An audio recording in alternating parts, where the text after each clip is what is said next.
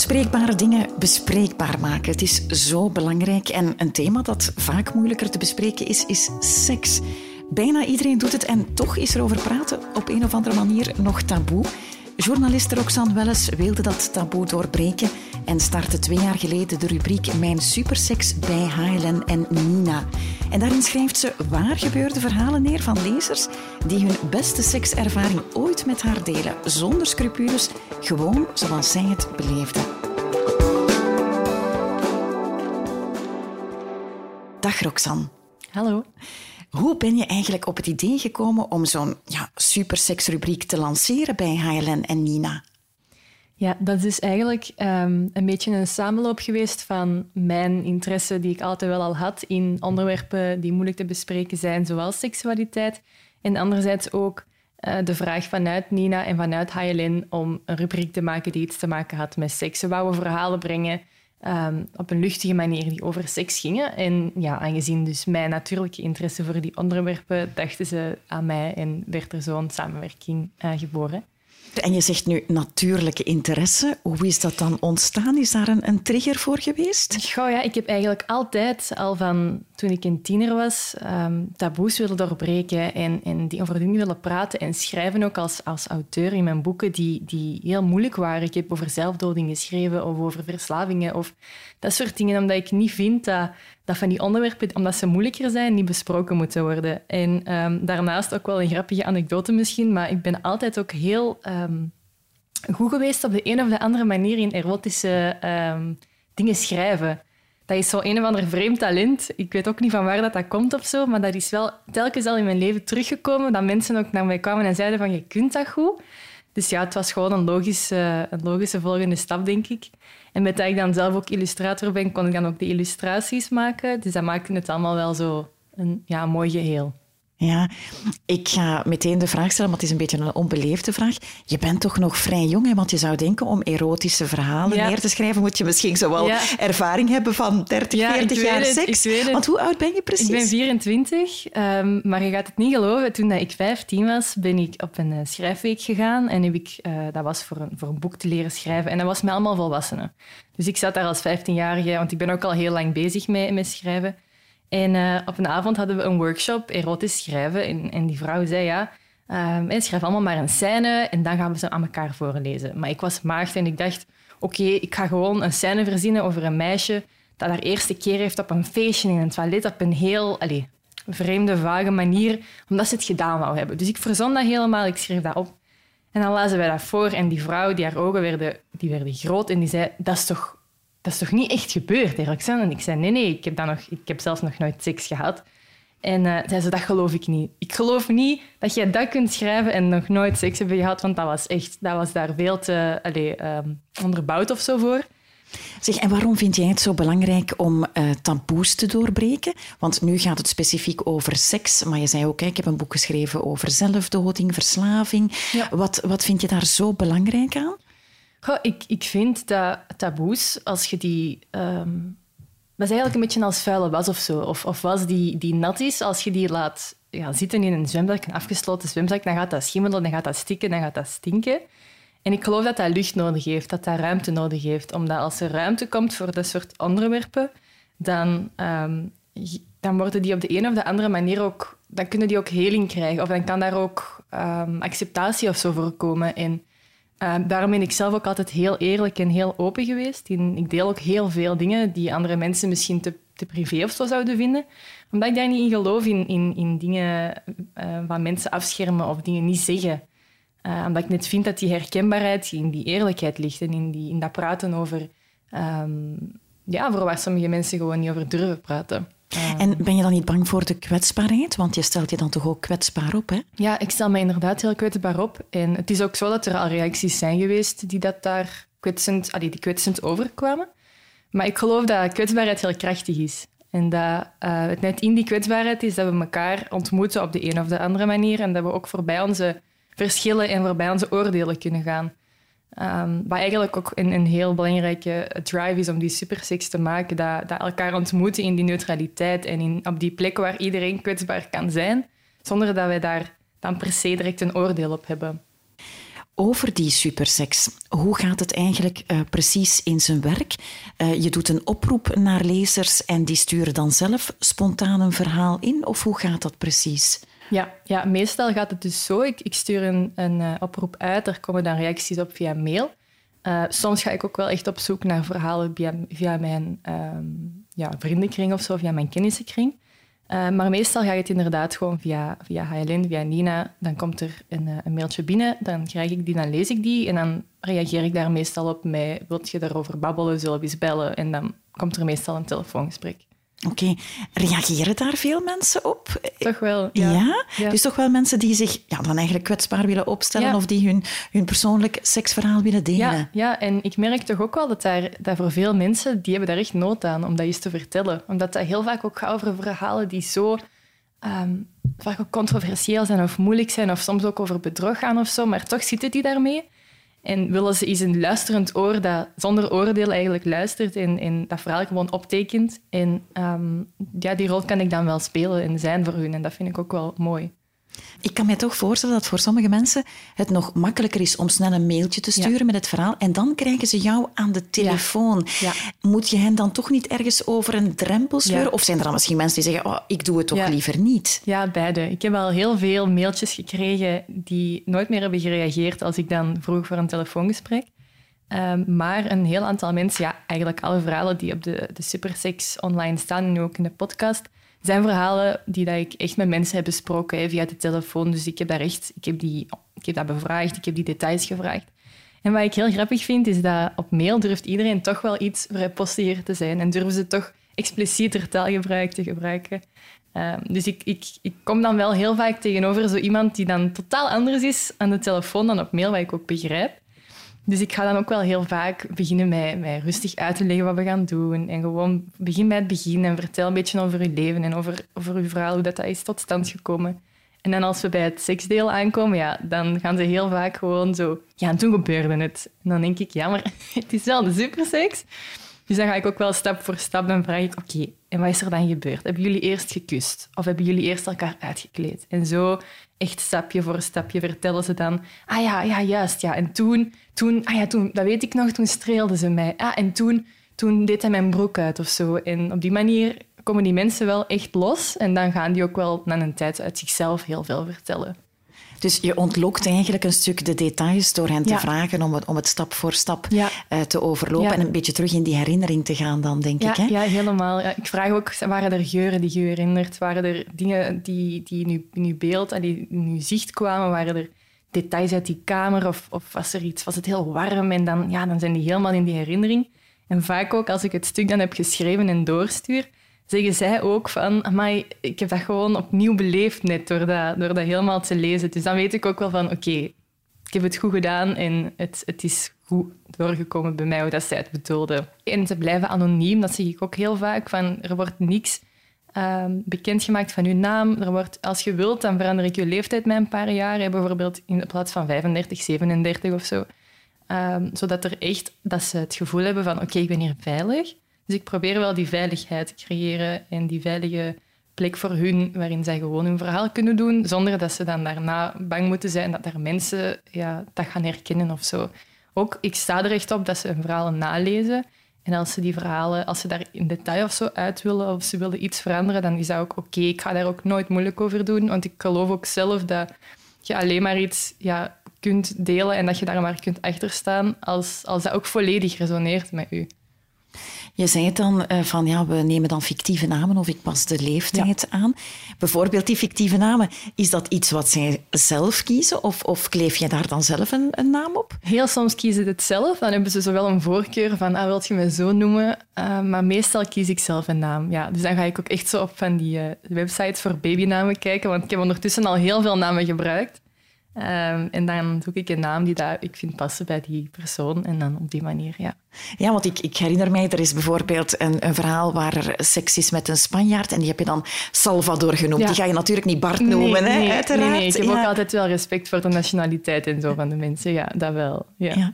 en heb je het nog nooit um, aan de hand gehad dat iemand iets verzonnen had? Ik bedoel, voel je aan of het een echte ervaring is geweest? Of misschien is er iemand die jou in het ootje wil nemen en zeggen, mm -hmm. oh, ik ga hier iets uitschrijven, hè, een mm -hmm. fantasie. Maar als je daar dan mee belt, dat je merkt, ja, maar die heeft dat helemaal niet meegemaakt of, of is dat nog niet gebeurd? Dat is nog niet gebeurd. Ik denk wel, want ik merk dat wel vaak ook al aan de mail van is dit een verhaal, is dat, is dat echt gebeurd of niet? En um, de, de details dat ik ook ga vragen, dus ik zou het wel horen als mensen echt beginnen te aarzelen of als die dingen beginnen te zeggen waarvan ik denk dat klopt echt niet.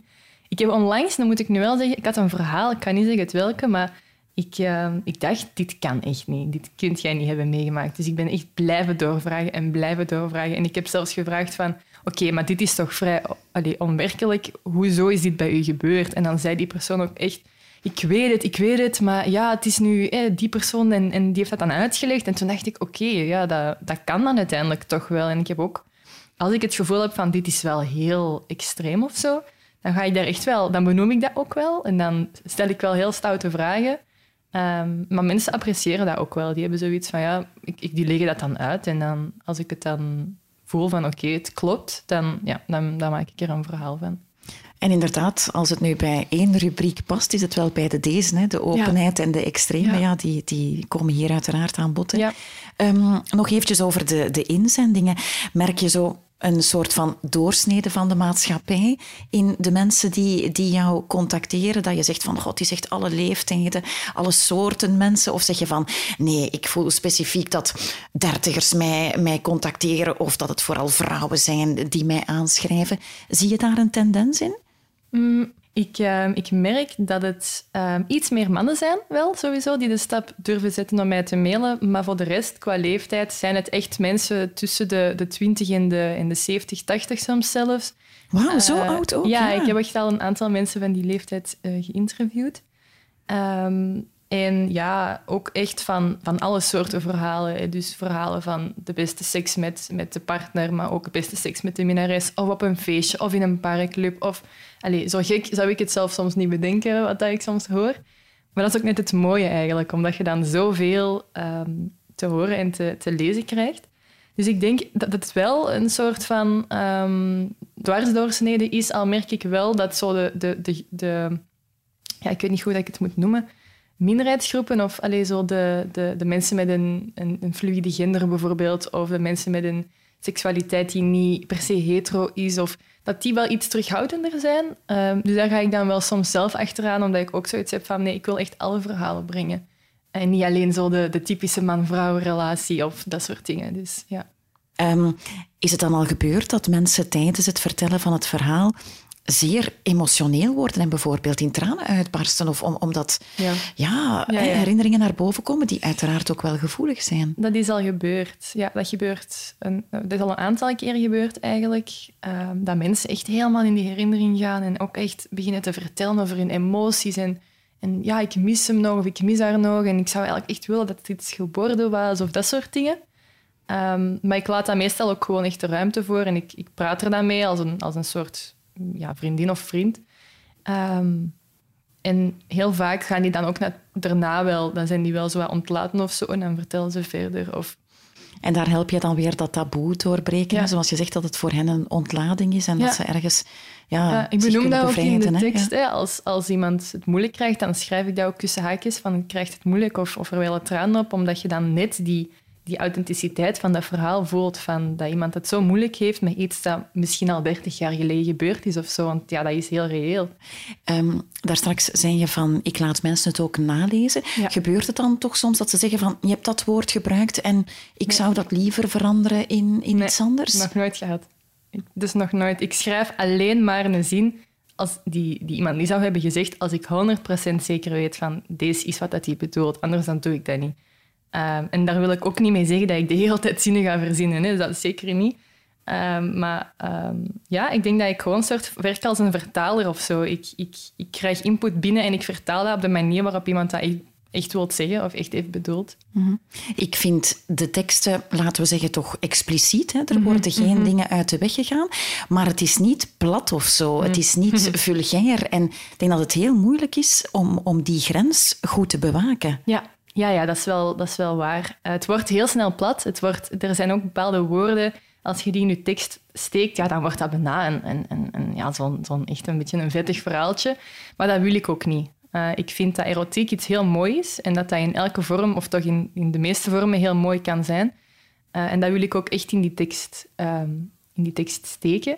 Dus ik probeer dan echt heel zorgvuldig woorden te kiezen of details te tonen, maar andere dingen weg te laten die de mensen dan zelf ook kunnen invullen met hun verbeelding of zo om ervoor te zorgen dat dat echt een, een heel mooi en um, een, ja, proper, of, maar toch, toch diepgaand verhaal is of zo. Dat, ik wil niet, uh, ook geen oppervlakkige dingen schrijven, denk ik, um, maar ook geen, geen platte dingen. Dus ergens dat nou evenwicht bewaren tussen, uh, ja, tussen die twee. Want zijn er woorden, kan je dan een voorbeeld geven van die woorden zal ik nooit in een tekst zetten rond seksualiteit? Kut bijvoorbeeld. Ja, kut. Kut of uh, neuken. Allee, neuken zal ik erin zetten als het echt gaat om iemand die dat, dat woord heel vaak heeft gebruikt, dan bijvoorbeeld wel. Of uh, zo alle synoniemen voor seks, ja, ik ga ze nu niet allemaal opnoemen, maar je kent ze wel. Als het bijvoorbeeld gaat over, over, over het geslachtsdeel, dan ga ik vagina zeggen, of vulva, of, of mijn opening, of, of mijn schoot. Maar zo die, hele, die veel explicietere dingen, dat vind ik gewoon niet zo mooi. Ik zou dat ook als ik een boek of zo schrijf, of een literaire scène schrijf, ja, dat zou ik ook niet doen. Dus ik probeer dat ook een beetje literair te benaderen, zo die, die verhalen dat het ook in een boek zou kunnen staan, bijvoorbeeld. Ehm, we hadden het over ehm, mannen en vrouwen die allebei inzendingen insturen. Mhm. Voel je dat mannen anders vertellen dan vrouwen of bijvoorbeeld een ander woordgebruik hebben? Merk je daar ook een verschil of, of niet meteen? Ehm, je hebt natuurlijk mannen die, die, die explicieter zijn en je hebt ook mannen die heel heel uh, zorgvuldig hun woorden kiezen en die heel hard op de details letten. Maar dat heb je bij vrouwen eigenlijk ook. Ik denk wel, als ik aan het bellen ben, dat ik een andere aanpak heb voor beide. Dus ik, ga, ik, ga, ik merk dat die mannen vaak iets langer nodig hebben om mij de details echt te gaan geven. Dus die gaan, die gaan gereserveerder zijn vaak. Terwijl als een vrouw, dat is toch mijn aanvoelen, een mail heeft gestuurd, dan gaat hij ook haar verhaal wel gewoon doen. Dus dan bel ik die en dan vertelt hij dat. En dan hoef ik daar ook niet te veel niet meer vragen bij te stellen of niet te veel te meer te gaan vissen naar details. Terwijl een man heeft meer zoiets van: oké, eerst even aftoetsen wie bent jij en kan ik je vertrouwen? En die vertelt dat dan. En dan, ja, dan de seks is allemaal heel sumier. En dan, het is maar pas als ik echt dan een vraag stel en even wacht en ze even zo op hun gemak stel, dat ze dan eigenlijk zo wat die, die openheid gaan, gaan krijgen en dat ze dan gaan openbloeien eigenlijk en mij hun verhaal vertellen. En dat is ook allemaal, eh, dat wil ik ook wel echt benadrukken, um, authentiek. Dus de, ik, ik, ik, um, ik ga niet zo manipuleren of ik ga niet mensen gaan bespelen omdat ik informatie wil. Ik, ik ga gewoon aanvoelen van hoe, hoe is die persoon, wat heeft die nodig en kan ik dat op de een of andere manier invullen door gewoon heel oprecht dat contact aan te gaan. Jij hebt een selectie gemaakt van een aantal verhalen die we nu in podcastvorm hebben gegoten, zodat je ze ook kan beluisteren. Um, waar heb je je op gebaseerd om de selectie te maken? Want je hebt er intussen al heel veel en je mocht er denk ik maar 18 of 20 kiezen. Ik heb geprobeerd om een selectie te maken van uh, verschillende soorten verhalen, die eigenlijk um, dus niet alleen maar uh, tedere seks bijvoorbeeld, of niet alleen maar ruige seks, of niet alleen maar feestjes, maar gewoon eigenlijk een heel spectrum aan verschillende soorten verhalen. Um, sommige die zijn gewoon heel herkenbaar, sommige zijn net een tikje spannend en extravagant en wow, en wow, dat zou ik nooit durven. Zo dat.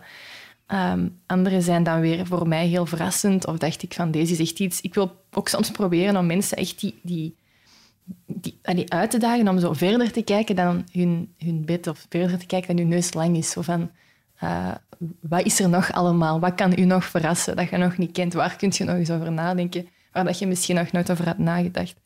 En um, op die manier eigenlijk, ja. Want die mix is wel belangrijk. Hè? Ik kan mij voorstellen dat mensen enerzijds verhalen willen horen die hun fantasie een stuk prikkelt, iets dat ze zelf nog niet hebben meegemaakt en misschien stiekem van dromen. Maar langs de andere kant wil je misschien ook wel een verhaal horen dat wat meer past bij je eigen seksbeleving. Want anders denk je, oei, mensen hebben allemaal zo spectaculaire seks en bij mij is het misschien maar zo pover. Klopt, ja. Ik ben mij er ook echt bewust van dat uh, die superseksverhalen de indruk zouden kunnen wekken van amai, iedereen heeft zo'n goede seks en ik, ik heb dan dit. Of, maar dat zijn eigenlijk bijna allemaal zo verhalen die maar één keer gebeuren in, in het leven van die persoon. Dat zijn echt zo van die eenmalige gebeurtenissen. Dus ik wilde dat ook, dus dank je om het, um, te, om het op te brengen, heel graag zeggen in deze podcast dat um, dat, dat echt niet gaat over, over een alledaags seksleven. Hè. Dat gaat over dingen die mensen een keer meemaken. Dus ik wilde inderdaad um, zo de, de uitspattingen en de spannende dingen echt wel um, vermengen met zo de, de toegankelijkere verhalen die jij en ik ook meemaken. Hè? Ja, want we willen allemaal, denk ik, wel seks hebben en goede seks.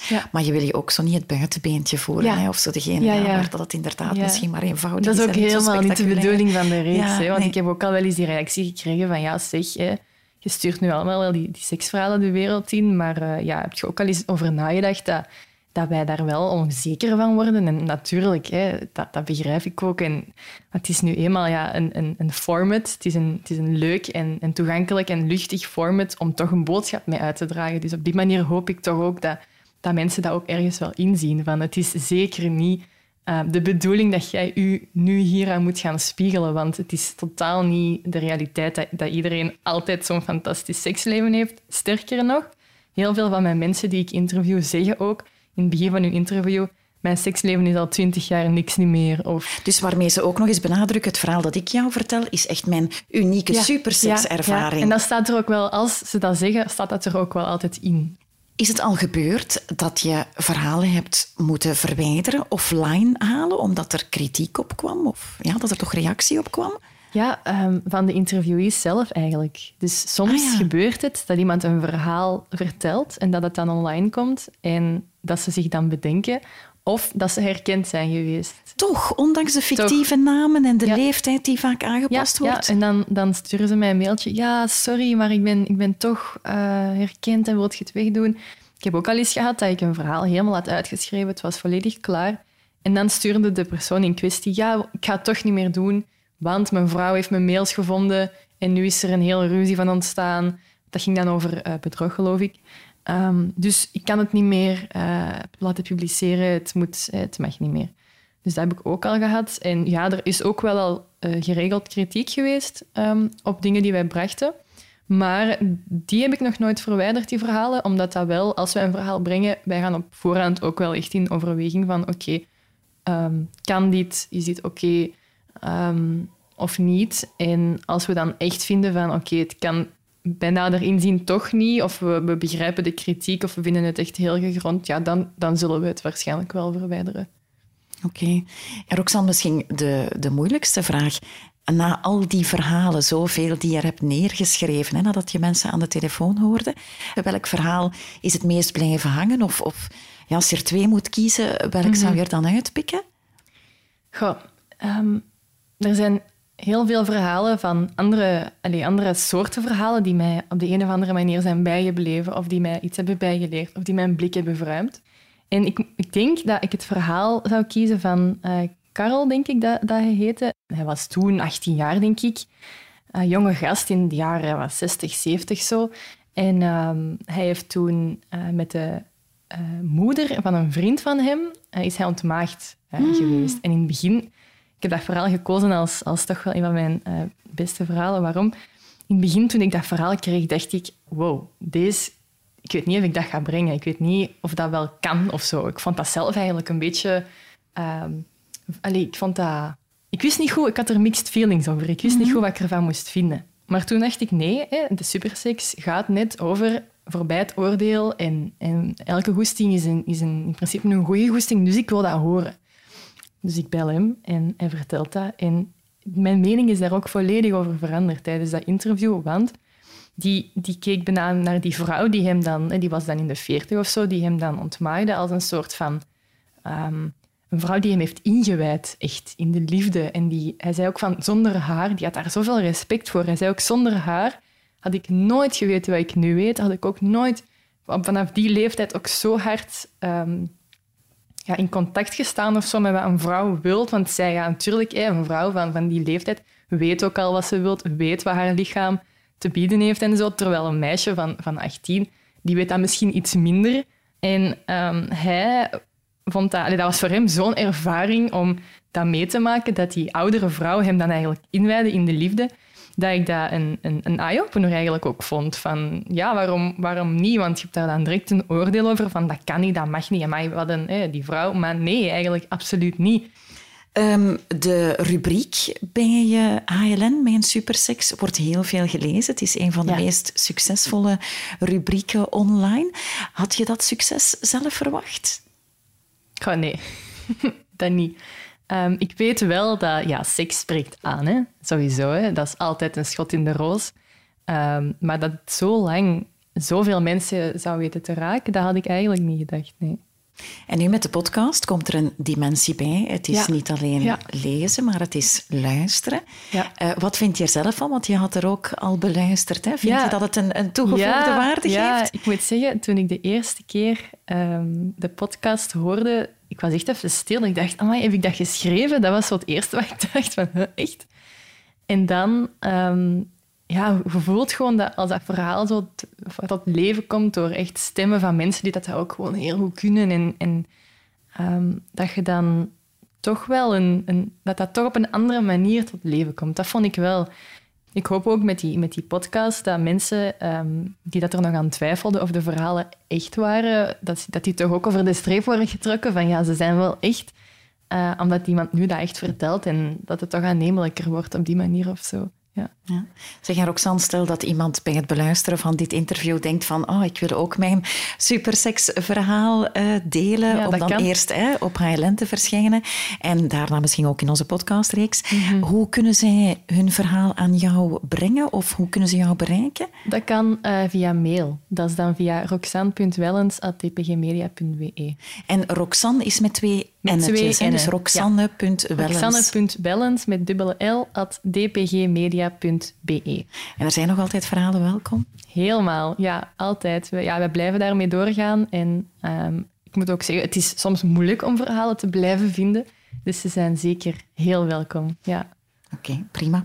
Bedankt, Roxanne. Ik vond het heel fijn om met jou te praten. En vanaf nu is mijn supersex dus niet alleen te lezen op hln.be en nina.be, maar ook als podcast te beluisteren in de HLN-app. Ik kijk er naar uit. Ja, ik ook. Dankjewel.